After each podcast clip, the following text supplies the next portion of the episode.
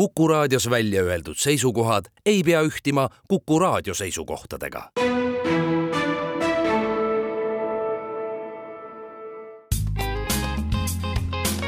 ettevõtlusminutid. saadet toetab Eesti Kaubandus-Tööstuskoda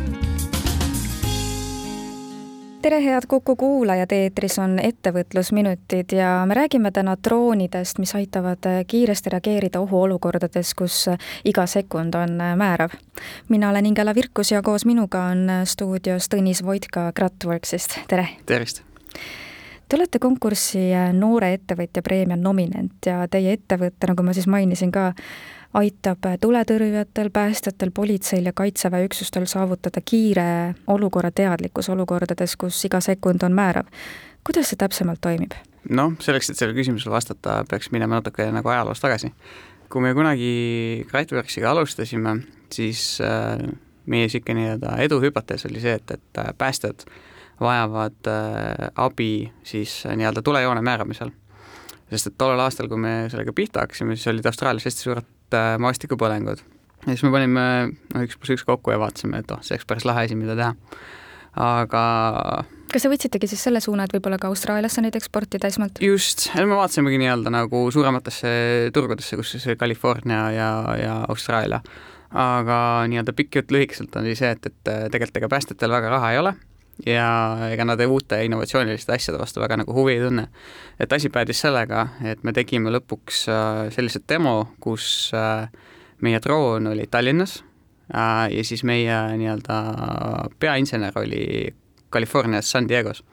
ja me tegime siis päästjatele demo, kuidas droon lendab Eestis, tuvastab tuld ja nemad siis nägid seda reaalajas äh, nii-öelda videos ja siis seda, kuidas me siis tegime tulejoone tuvastuse nende sellisesse äh, kasutavad niisugust süsteemi nagu ATAK, on telefonides niisugune programm ja siis see äh, see tuli, mis meil siin Männikul ämbrites põles, äh, tuli siis neile reaalajas kaardi peale. et kõik äh, tegid suuri silmi ja ahetasid, et nii lahe, aga keegi sellest lõpuks sinna kinni ei hakanud.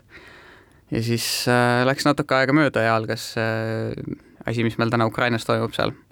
ja, ja siis, kuna kõik meie nii-öelda algsed tiimiliikmed on äh, ühte või teistpidi seotud nii-öelda selle militaarmaailmaga, et siis otsustasime, et on, on õige aeg nii-öelda minna, minna seda teed pidi. ehk et praegu siis äh, kasutatakse teie droone pigem Ukrainas või kusagil veel? jah, me nüüd oleme viimased pool aastat töötanud selle nimel, et saaksime Ukrainas äh, jala maha ja oma droonid siis nii-öelda nende kasutusse seal äh, nii-öelda rindel ja, ja kuskil ka tagalas kui me siin rääkisime tuletõrjujatest ja leekidest tulest, et äh, mida need droonid täpsemalt Ukrainas teevad?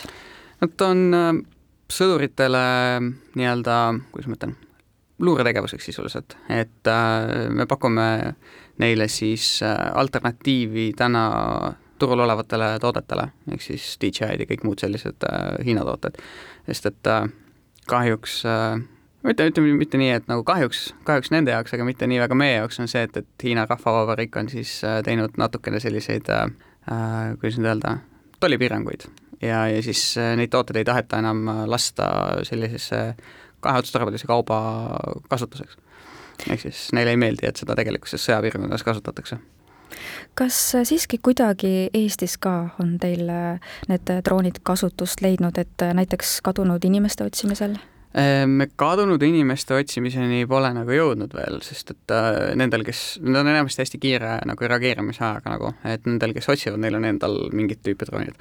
küll aga äh, alles nüüd hiljaaegu, mõned kuud tagasi saime oma drooni mupole näiteks üle antud. ehk siis, et mupo kasutab meie drooni siis äh, nii-öelda äh, inimeste nii-öelda loendamisteks, mingite valesti parkijate leidmiseks, et äh, ütleme niimoodi, et äh, nad nüüd treenivad ja harjutavad neid, aga see oli siis äh, kunagi sellise Tallinna linna loodud Tallinnove mingi innovation projekti raames, kus nad siis üritasid leida targa linna lahendusi erinevatele seadmetele. ja siis me esitasime oma projekti sinna ja siis Tallinn vaatas, et päris lahe, et proovime siis Mupaga nagu läbi, et see on natuke nagu selline, kuidas nüüd öelda, test ja proovimine, et kuidas linnas nii-öelda droonid saaksid üldse nii-öelda olla, et keegi peaks kartma ei peaks hakkama, nüüd tema autot hakatakse drooniga jälgima kuskil, kui ta valesti pargib.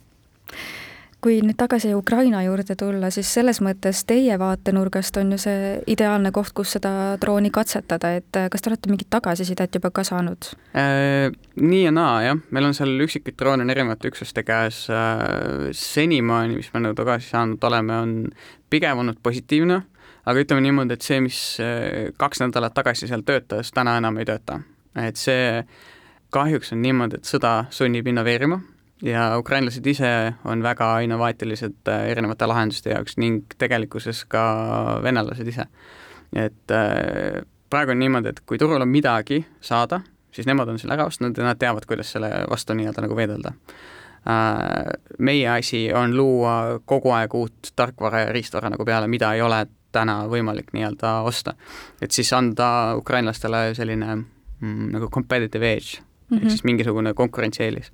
mis teil praegu võib-olla siis töös nii-öelda on, et, et millega te praegu kõige enam äh, töötate, et arendada seda edasi?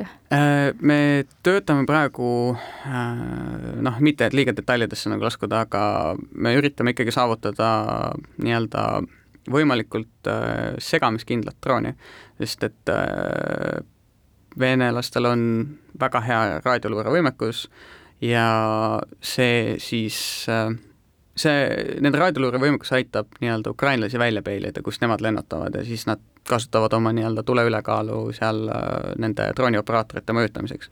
aga kui neil on midagi, mis annab neile võimaluse kas siis näiteks piloot ja drooniraadio näiteks üksteisest eemale panna, siis see annab nii-öelda, see säästab elusid sisuliselt, et kõik see tarkvaraarendus ja riistvaraarendus, mida me nagu panustame siia, on ikkagi selleks, et mitte mitte anda nagu niisugust suurt innovaatilist, aga teha midagi sellist, mis säästaks neid äh, inimelusid seal. sest et lõppude lõpuks see droon on neile nii-öelda nagu vaatlusvahend, sisuliselt nagu binoklid, ta on lihtsalt äh, kaugemal ja kõrgemal.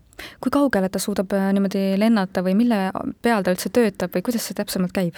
no ta ja kes teda jälgib ja nii-öelda nagu siis sõidutab või lennutab? selleks on täiesti tavaline inimene tänaval tegelikkuses äh, Ukrainas, et äh, kui sa oled kunagi Playstationiga mänginud, siis sa tegelikult saad sellega nagu samamoodi hakkama, et äh, et on küll teatud juhud, äh, kuna sa pead olema natuke rohkem piloot kui lihtsalt kasutaja, noh näiteks siis, kui sul ei ole GPS-i, mis on Ukrainas täiesti tavaline, aga ta ei erine väga palju mingisugusest arvutimängust, et sisuliselt poole tunniga on võimalik võtta inimene tänavalt ja õpetada talle see, see elementaarne nii-öelda lendamine nagu, nagu ära aga see ongi päriselt praktika, et tavainimene tänavalt äh, kasutab ja, seda? jah, Ukraina sõja alguses näiteks olid äh, inimesed, kellel olid puhtjuhuslikult olemas äh, need DJI-d ja Autelid ja sellised teised Hiina droonid.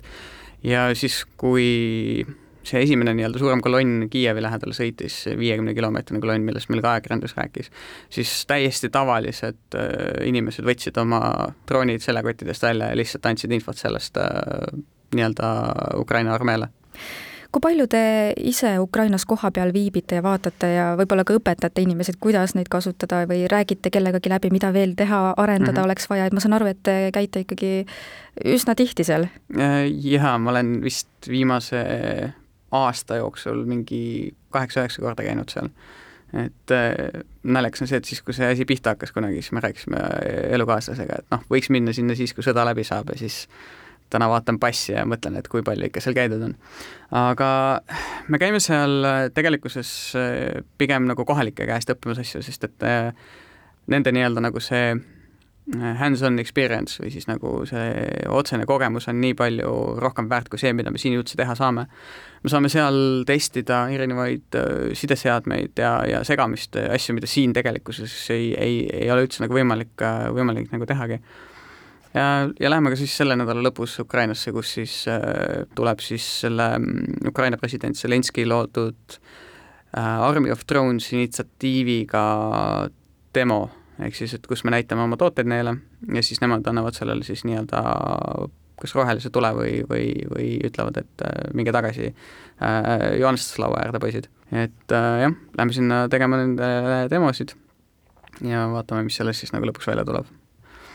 Kui palju teie droone võib Ukrainas praegu olla, teate mm,? Ma tean seda numbrit, aga ei tahaks sellest nii-öelda nagu avalikult nagu rääkida. arusaadav, aga lisaks sellele, et äh, me mainisime siin, et äh, tuleb kogu aeg justkui jälle midagi uuendada ja, ja olla nagu sammu võrra isegi ees äh, vaenlastest nii-öelda mm, -hmm. mis siis veel meid droonide maailmas tuleviku mõttes ees ootamas on? te ütlesite, et see ajavahemik on tegelikult väga väike, et juba kaks nädalat tagasi mm -hmm. see, mhm. mis oli tehtud, see on juba aegunud põhimõtteliselt, et mis siin kahe no, nädala pärast juba võib-olla siis ees ootamas on? selles suhtes, et siin on nagu kaks hästi niisugust äh, erinevat suunda nagu, et meil on tsiviilkasutuses droonid, millel on oma konkreetne reeglistik ja siis meil on tegelikult nagu militaarkasutuses droonid.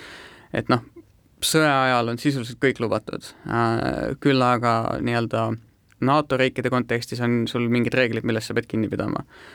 kui me räägime näiteks äh, tsiviilkäibe droonidest, siis tõenäosus on see, et järgmise paari aasta jooksul me näeme järjest rohkem äh, erinevaid nii-öelda pakidroone tegelikkuses.